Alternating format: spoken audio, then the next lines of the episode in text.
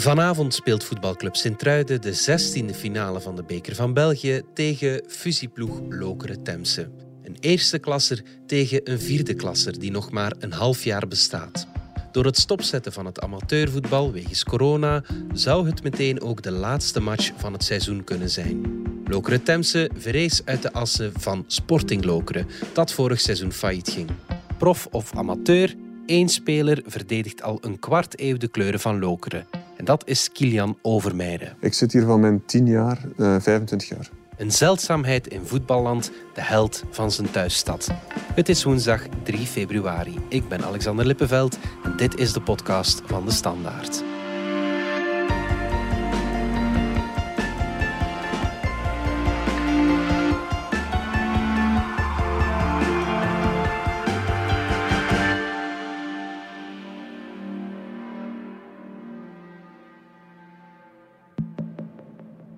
Ik ben uh, Artnar Wietersson, technisch directeur voetbalbond van IJsland en sinds kort ook bondscoach van IJsland.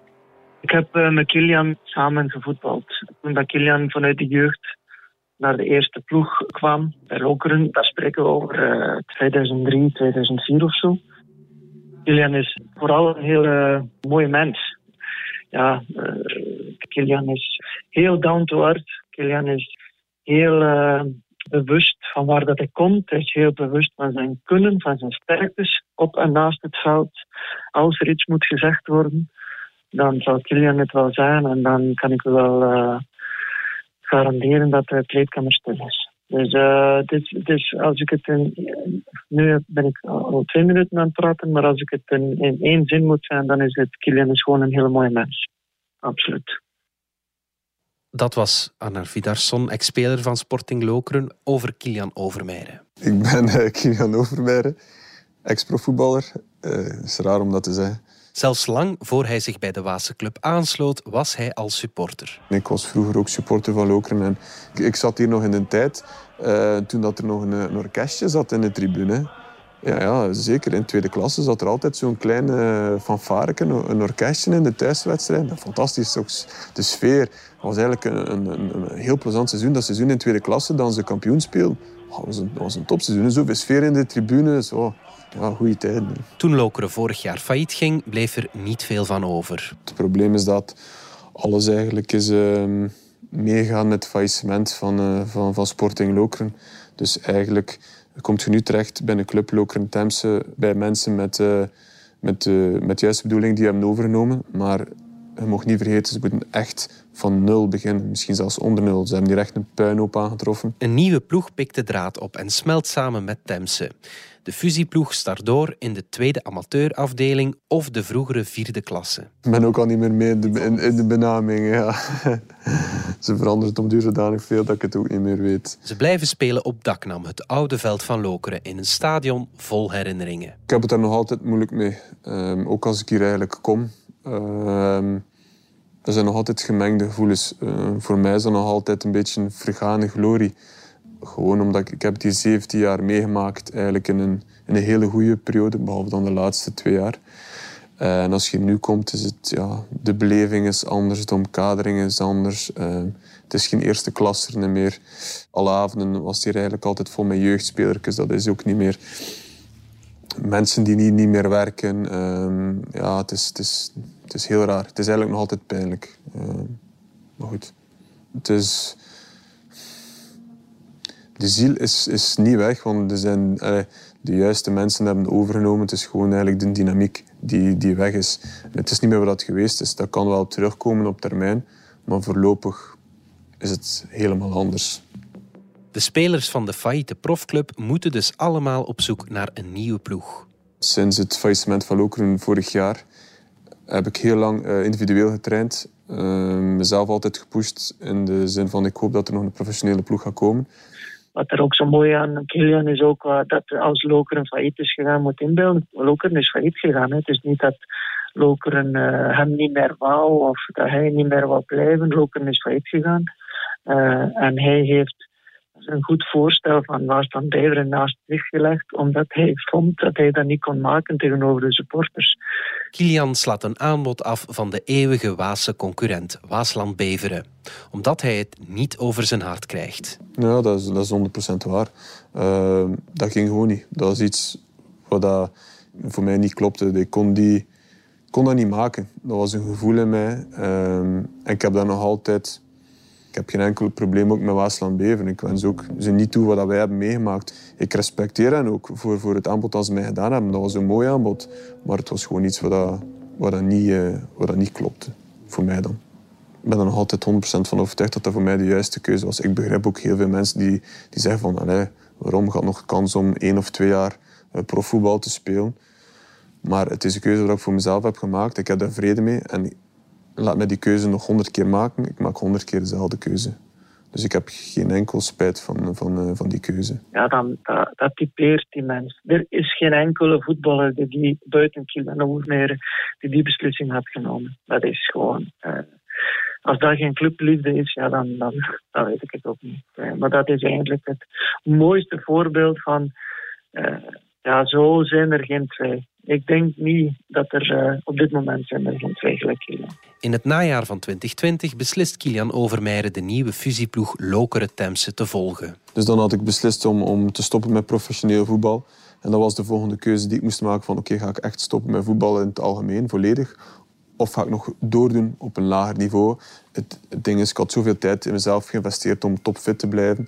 Dan dacht ik van oké, kijk, geef je eigen nog gewoon het afscheid van het voetbal dat je eigenlijk wel verdient op een voetballende manier stoppen. Ik dacht van oké, we gaan dat zo doen. Dan is natuurlijk de tweede lockdown gekomen. Dus ja, het zit niet echt mee de laatste twee jaar op, uh, op voetbalgebied. Ja. Het, het, uh, het raar is eigenlijk um, dat voetbal uh, 17 jaar lang de hoofdzaak was en mijn hoofdberoep was. En nu is dat ehm, zonder onrespectvol te zijn, maar nu is dat eigenlijk een bijzaak geworden.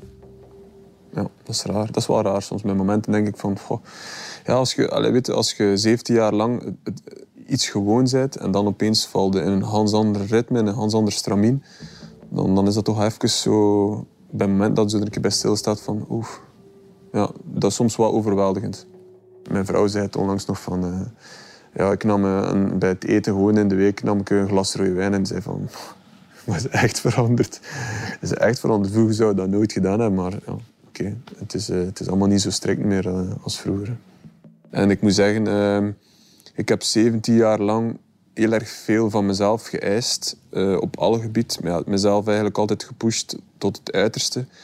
En ik voel nu dat die, dat die rek, dat, dat we zijn nu eigenlijk weer verplicht om individueel te trainen. Ik voel dat die mentale rek ehm, dat dat bijna op is dat ik het eigenlijk niet meer kan, kan, kan opbrengen. Um, en dat is ook een vaststelling dat, dat, dat ik merk bij mijn eigen van...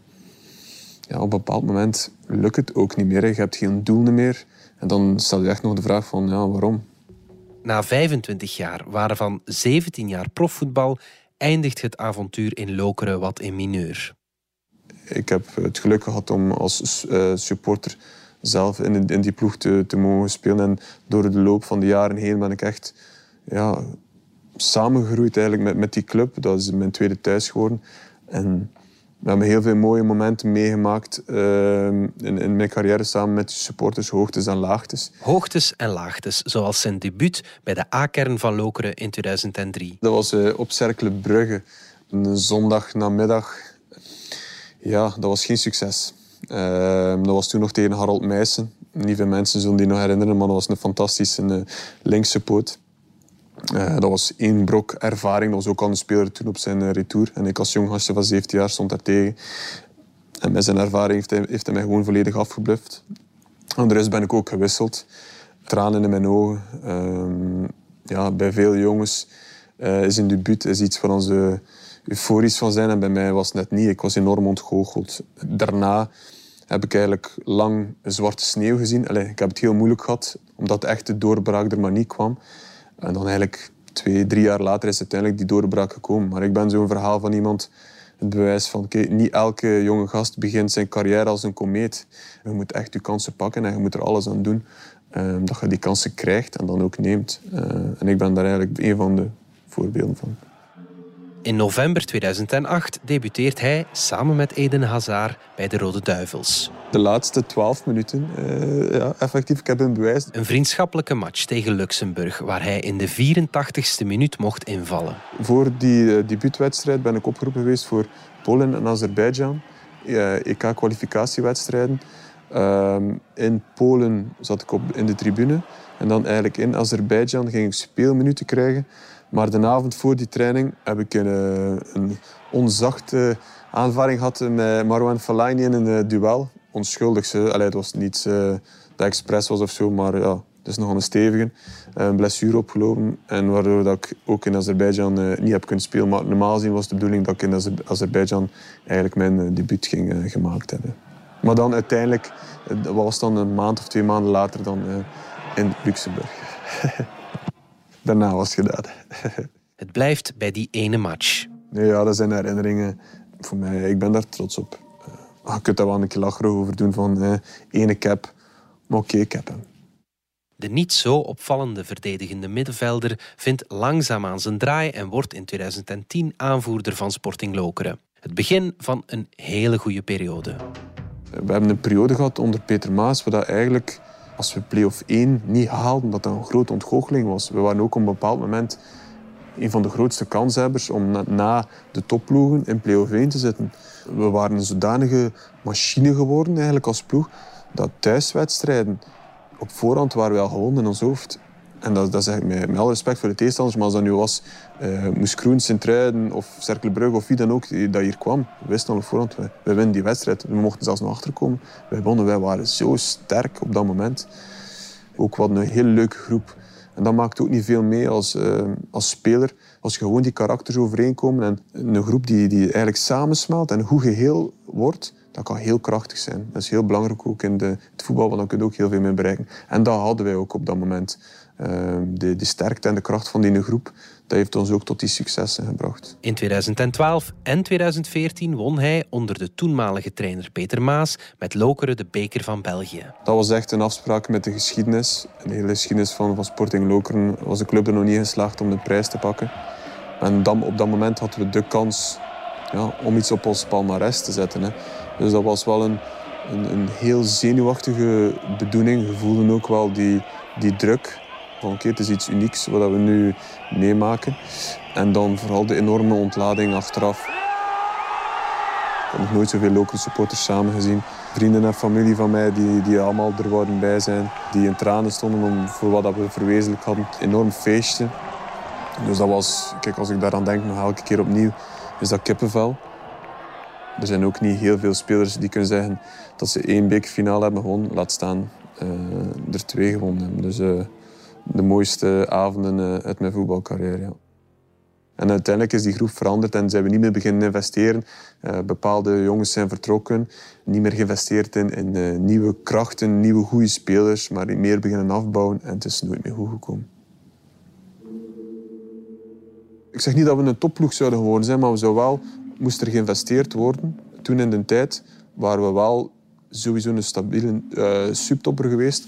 Met misschien af en toe een keer een uitschieter een seizoen dat we, dat we er echt in uitblonken. Maar uh, ik zei het, ik vergelijk als dat we op een kruispunt stonden en we moesten naar links. En wij zijn volledig naar rechts gegaan. Sportief gingen ze alsmaar minder presteren. Men zocht overnamekandidaten, maar vond ze niet. En uiteindelijk kwam men in een negatieve spiraal terecht, waardoor Lokeren vorig jaar het faillissement moest afkondigen. Wat ik wel een keer over het nadenken is van in mijn uh, goede periode, uh, alleen nu topperiode als voetballer dan, um, waar lagen mijn limieten?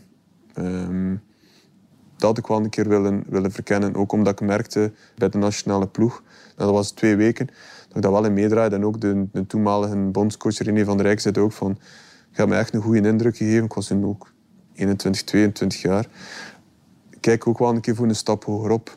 Um, ik had gewoon willen weten van, had ik die stap hogerop gemaakt, was dat een succes geweest of niet? Had ik daarin meegedraaid uh, of niet? Dat is, dat is het enige wat ik me soms afvraag van, waar lagen mijn, uh, mijn limieten? Maar ik heb daar geen spijt over. Ik ben trots op mijn carrière, maar dat, is, uh, dat zijn enkele onbeantwoorde vragen die altijd onbeantwoord zullen blijven. 25 jaar, één ploeg. Er zijn er zeker aanbiedingen geweest, uh, maar die zijn dan op dat moment afgesprongen voor verschillende redenen. Niet, niet weg mogen. Uh, onderhandelingen die dan afspringen. Ehm, de club die dat, de, de geïnteresseerde die dan toch beslist om een andere piste te nemen. Maar er zijn wel mogelijkheden geweest en momenten geweest waarbij dat een vertrek uh, niet zo ver af was. Ja, dat zijn natuurlijk altijd omstandigheden. En, en, in een andere wereld was Kilian misschien ooit wel vertrokken van Lokeren. En misschien had hij ook wel iets anders willen proberen in zijn carrière. Maar ik denk achteraf, hoe hij dat nu en later kan vertellen, dan wordt dat nog altijd uh, ja, voor mij de legende van Lokeren. Uh, voor mij is Kilian uh, iemand die, die ver boven Lubanski en, en Lato en Johnson en, en al, die, al die spelers kunt plaatsen voor altijd.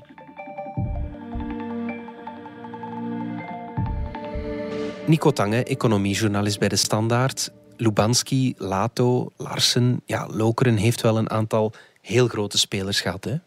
Ja, inderdaad. Eh, de namen die, die spontaan dan uh, opduiken zijn Lato, Lubanski en uh, Prebe Larsen. die speelden bij Lokeren in de jaren 70.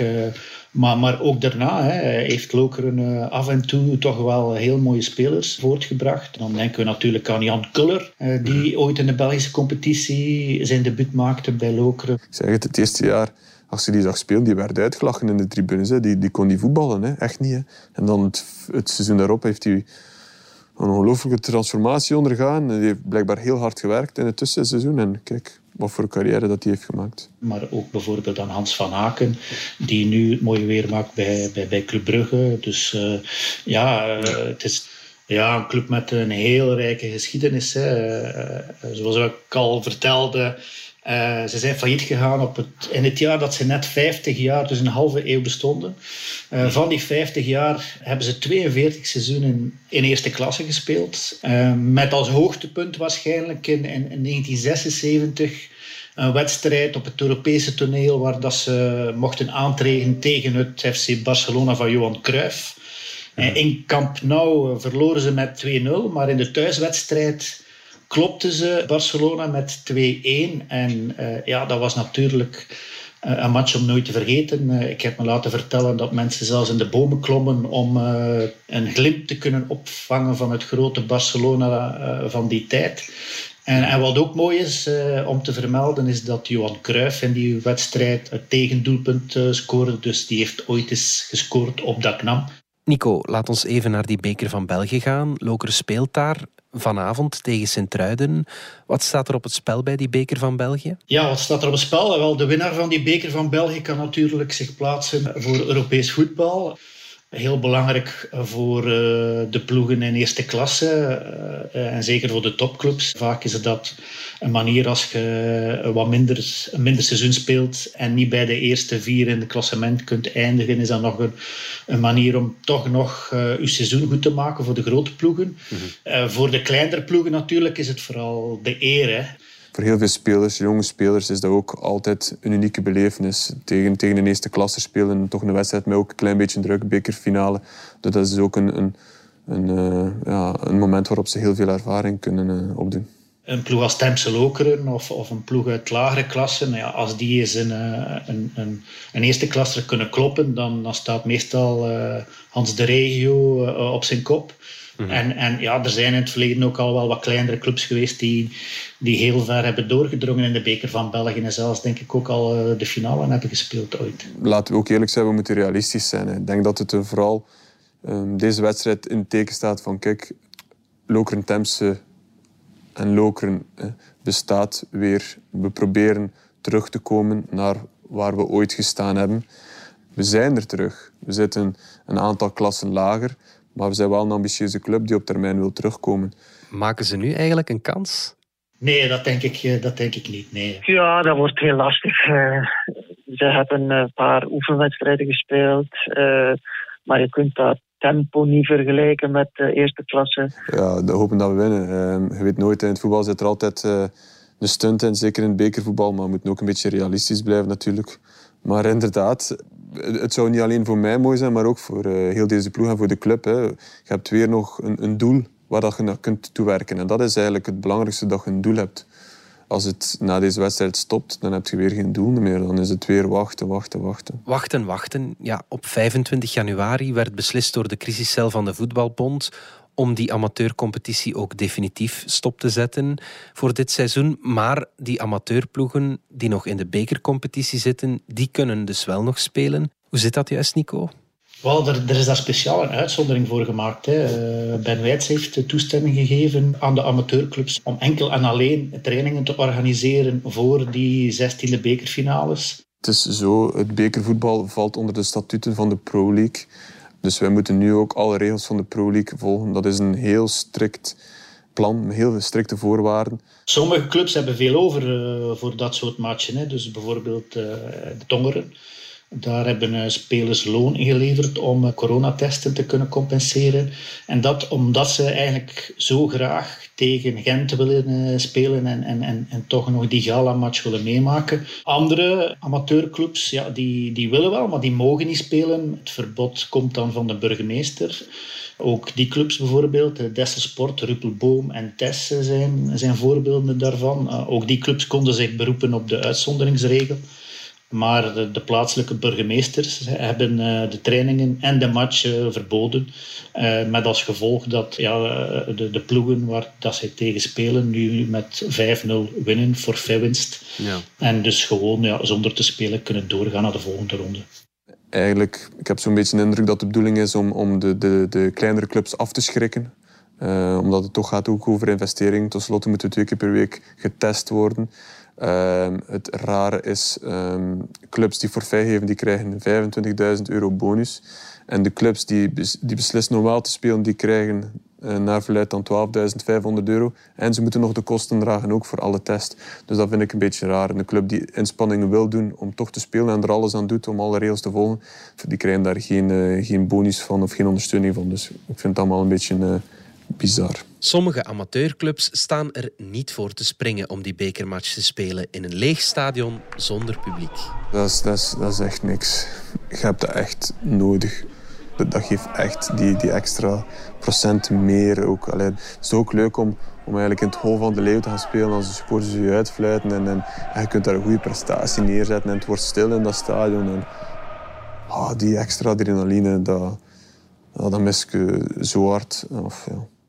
Want een leeg stadion, dat betekent ook een gesloten kantine. Ja, het is inderdaad zo dat, het, dat ik me ook wel een beetje zorgen maak over amateurvoetbal en, en lager uh, voetbal. Want het hangt ook allemaal een beetje af van sponsoring en, en van kantines. Maar welke bedrijven uh, gaan nog sponsoren in een voetbalclub als ze tegelijkertijd zelf problemen hebben en misschien moeten, moeten saneren en, en mensen moeten ontslaan door, door de crisis. Dan kunnen ze het niet meer maken om, om te sponsoren dan veel, veel clubs zijn, zijn afhankelijk van inkomsten van, van kantines, maar als die niet mogen opengaan.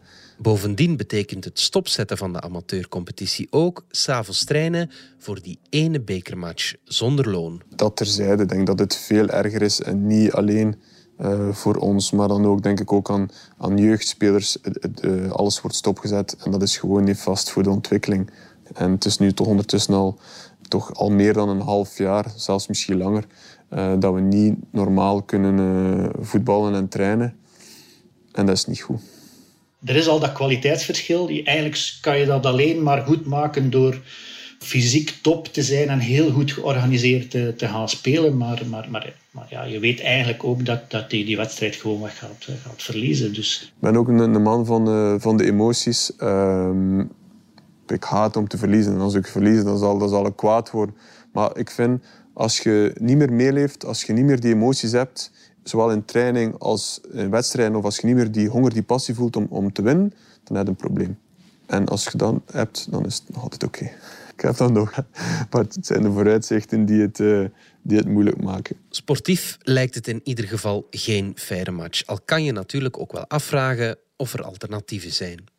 De matchen van de profclubs gaan ondertussen gewoon door. Dat heeft alles te maken met tv-gelden. Goed voor 100 miljoen euro per seizoen. En zoals zo vaak met corona zie je dat dat de ongelijkheid alleen maar uh, vergroot. Hè. Niet, jammer genoeg niet alleen in het voetbal, maar, maar in elke sector.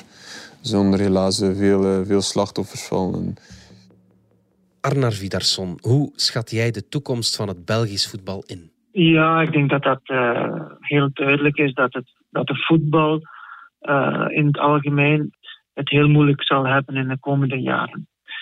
Want ja, er zijn geen inkomsten, of dat dan een Lokeren is of uh, Club. De inkomsten zijn alleen maar voor van de tv-gelden voor de grote clubs. Voor de kleinere clubs is er niks. Dus laat ons hopen dat dit ook een bepaalde reset kan worden in de voetbal. En dat bedoel ik daarmee dat ik hoop echt dat er meer clubs zullen inzetten op, op de jeugd. De jeugd de kans geven om te groeien, ervaring te krijgen en betere voetballers te worden op elk niveau uh, in, in, de, in de piramide. Dat hoop ik. Want uh, het zal nodig zijn, want uh, centen zullen er niet zoveel zijn. Er is hier nog zoveel werk. Er moet hier echt nog een structuur op poten gezet worden op alle gebied. Uh, zowel richting eerste ploeg als, als richting jeugd toe. Alles moet daar opgebouwd worden. Uh, maar ik volg Arnar 100% als hij zegt van de jeugd is, uh, is de toekomst. En dat zou het ook moeten, moeten worden voor Lokeren. Tot slot, de zestiende finale van die beker van België. Ja, dat is de laatste match van het seizoen voor Kilian Overmeijer. Dat moet wel speciaal zijn. Ja, zeker. Hè. Ik bedoel, ik denk dat er heel wat uh, door hem heen zal gaan. Het is uh, een bekermatch tegen uh, Sint-Truiden. En ja, wie is de trainer van, van die ploeg van, vandaag? Dat is Peter Maas, waarmee hij toch twee prijzen heeft gepakt in zijn carrière. Die twee bekerwinsten, dat was ook onder Peter Maas. Dus hij heeft daar een speciale band mee. Ja, dat is wel plezant. Hè. Het is tegen een trainer die ik heel goed ken. waar ik heel veel mooie momenten heb mee beleefd. Dus dat maakt het wel extra speciaal. Ik heb ook nog een vriend lopen bij de, bij de tegenpartij met Steve de Ridder. Dus uh, dat maakt het wel uh, extra interessant. Ja. Dus ja, in die zin denk ik uh, zal dat toch een, een, een, wedstrijd zijn waar hij heel erg naar uitkijkt en, en die toch wel enige emotie bij hem zal opwekken. Het feit is ook van hoe lang ga ik nog voetballen? Um, daar ben ik ook heel eerlijk in. Er zijn geen vooruitzichten. Um, en dat maakt het enorm moeilijk Um, ik, ben ook naar, naar hier gekomen om eigenlijk uh, um, afscheid te nemen van het, van het voetbal. Bij, eigenlijk bij mijn tweede thuis, om het zo te zeggen. Bij de mensen uh, die ik respecteer, die ik graag heb. En ik denk dat het ook wel wederzijds is. Maar uh, ja, het is mij blijkbaar niet gegund uh, door de omstandigheden. het is nu weer stilgelegd, amateurcompetitie. Dat wil zeggen, weer een aantal maanden dat het opschuift. Um, en ik weet niet of ik dat, als ik heel eerlijk ben, of ik dat nog zie zitten. Ja, dat is toch allez, voor, voor, voor de club Lokeren, die, die toch probeert uh, weer op te staan uit de doden, is dat eigenlijk fantastisch dat we deze wedstrijd kunnen spelen tegen een eerste klasse en dan nog thuis. Jammer dat dan zonder supporters is. En ja, het kan, kan voor mij inderdaad uh, misschien mijn, mijn laatste wedstrijd zijn. Ja.